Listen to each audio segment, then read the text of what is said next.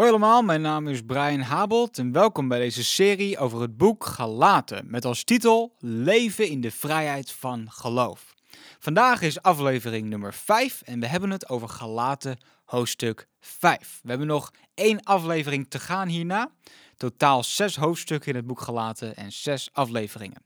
Vandaag is het onderwerp geen slechte daden meer. Een groot thema in het boek van Galaten, naast de rechtvaardiging van geloof, waar we het al vaak over gehad hebben, is de vrijheid in Christus. Nou, het grootste gedeelte van dit boek is er uitgelegd dat daden en werken ons niet vrijspreekt van schuld, maar dat geloven in Jezus dit doet. Dus geen rechtvaardiging door daden, maar rechtvaardiging door geloof. We zien als een rode draad door het hele boek dat dit een bepaalde vrijheid geeft door de Heilige Geest die komt wonen in ons.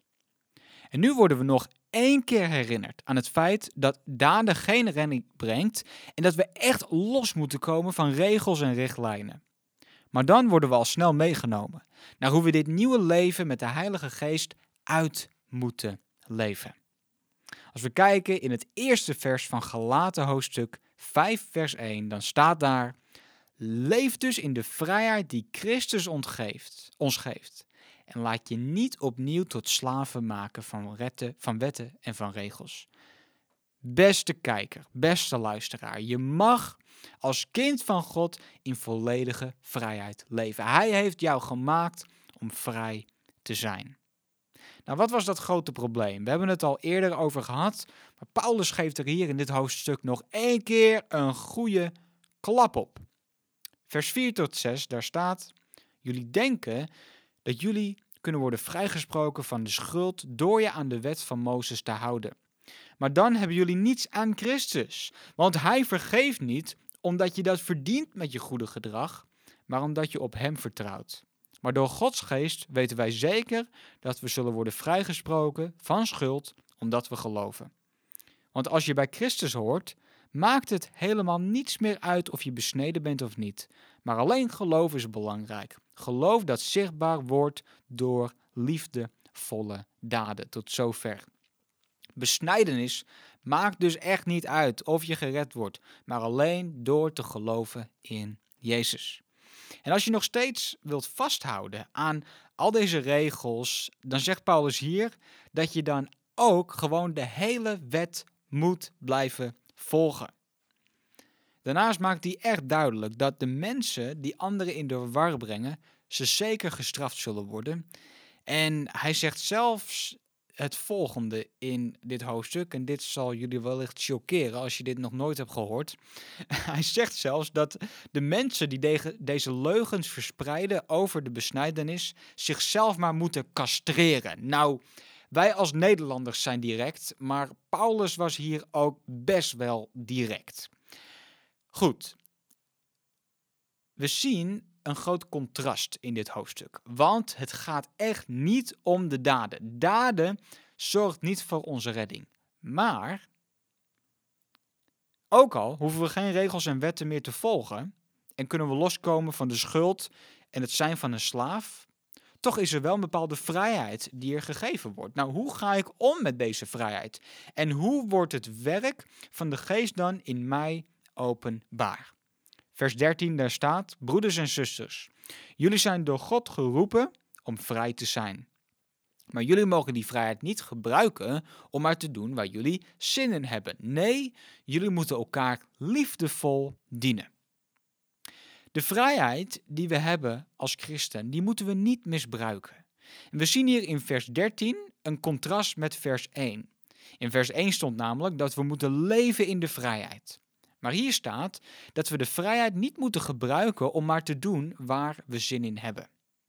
De grote opdracht die gegeven wordt, is dat we elkaar liefdevol moeten dienen door je naaste lief te hebben als jezelf. En wat ik hier zo bijzonder aan vind, is dat de Heer Jezus op deze aarde dat ook zei. Hij zei dat dit gebod van het naaste liefhebben als jezelf de grondslag is van alles wat er in de wet en in de profeten staat. Is dat niet bijzonder? Alles kan daarmee worden samengevat en samengevoegd. Kijk dus echt uit hoe je omgaat met anderen. Dat laat namelijk zien wie er handelt. Je eigen ik of de Heilige Geest in jou. Nou, de Geest die stelt ons in staat om de wet van de liefde te vervullen. De geweldige liefde van God neemt in ons hart namelijk de plaats in van alle wetten. De Heilige Geest die geeft ons deze liefde.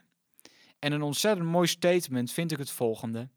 Het is niet de wet aan de buitenkant, maar de liefde aan de binnenkant die het grote verschil maakt als een volger van Jezus. Die zeg ik nog een keer.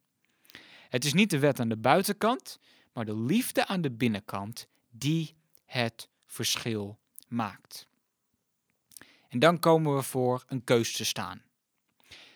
Want ook al hoeven we de daden van de wet niet meer precies zo te volgen, als je Jezus kent en in hem gelooft, dan komt de Heilige Geest in jou wonen.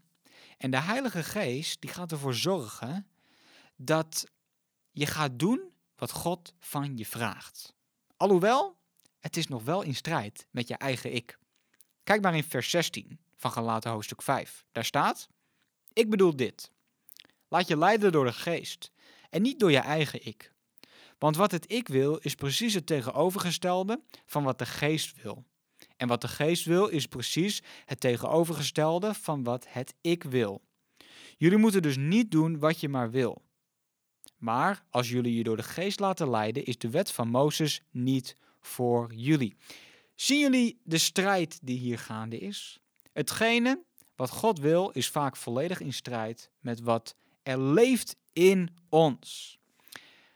Maar als we ons door de geest laten leiden, dan komen er alleen nog maar daden van de geest voor. En dit is gefocust om God lief te hebben boven alles en je naaste als jezelf. En met zo'n manier van leven hebben we geen wet nodig, omdat de geest woont in ons. Nou, de Heilige Geest, dat is een persoon. En de Heilige Geest die overtuigt ons van zonde. Hij laat zien wat het juiste is om te doen. En dat kunnen we gewoon van binnen voelen en van binnen zo ervaren. Nou, waar de meeste mensen Galaten hoofdstuk 5 waarschijnlijk voor kennen, is de vruchten van de geest. En dat zien we ook zeker verschijnen in dit hoofdstuk. Maar daarvoor wordt er eigenlijk een contrast gegeven, namelijk de verlangens die ons vlees voortbrengt. Hetgene wat we eigenlijk van binnen willen. Er staat in vers 19. Het is duidelijk wat verlangens van het ik zijn. Verkeerde dingen doen op het gebied van seks, er maar op losleven, afgoden aanbidden, toverij, haat, ruzie, jaloersheid, driftbuien, e- egoïsme, verdeeldheid, boosheid, moord, dronkenschap, wilde feesten en meer van dit soort dingen. Wow, wat een lijst! Wat een lijst met dingen die er kunnen leven in ons, zelfs al dienen we God. Nou, het is de leiding van de Heilige Geest in ons leven die ervoor zorgt dat er andere verlangens komen en dat er andere daden komen en dat er een andere manier van leven wordt. Maar het is wel meer dan alleen dingen niet doen. Het is ook vooral dingen wel doen, namelijk tijd doorbrengen met God. De Heilige Geest de ruimte geven in jouw leven. Zorgen dat, dat er geen belemmeringen zijn om te komen tot Hem. En Hem gehoorzaam zijn als Hij spreekt tot jou. Nou, uiteindelijk zien we daar de gaven van de geest, of excuses, de vruchten van de geest, de negen vruchten van de geest die jullie waarschijnlijk wel kennen. Liefde, blijdschap, vrede, geduld, vriendelijkheid, goedheid, geloof, hulpvaardigheid en zelfbeheersing. En dan staat er, tegen zulke dingen heeft de wet van Mozes niets.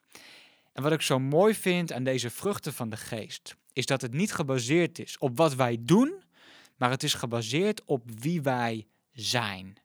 En daar zit een groot verschil in. De wet vraagt alleen maar van jou om dit te doen en dit te doen en dit te doen.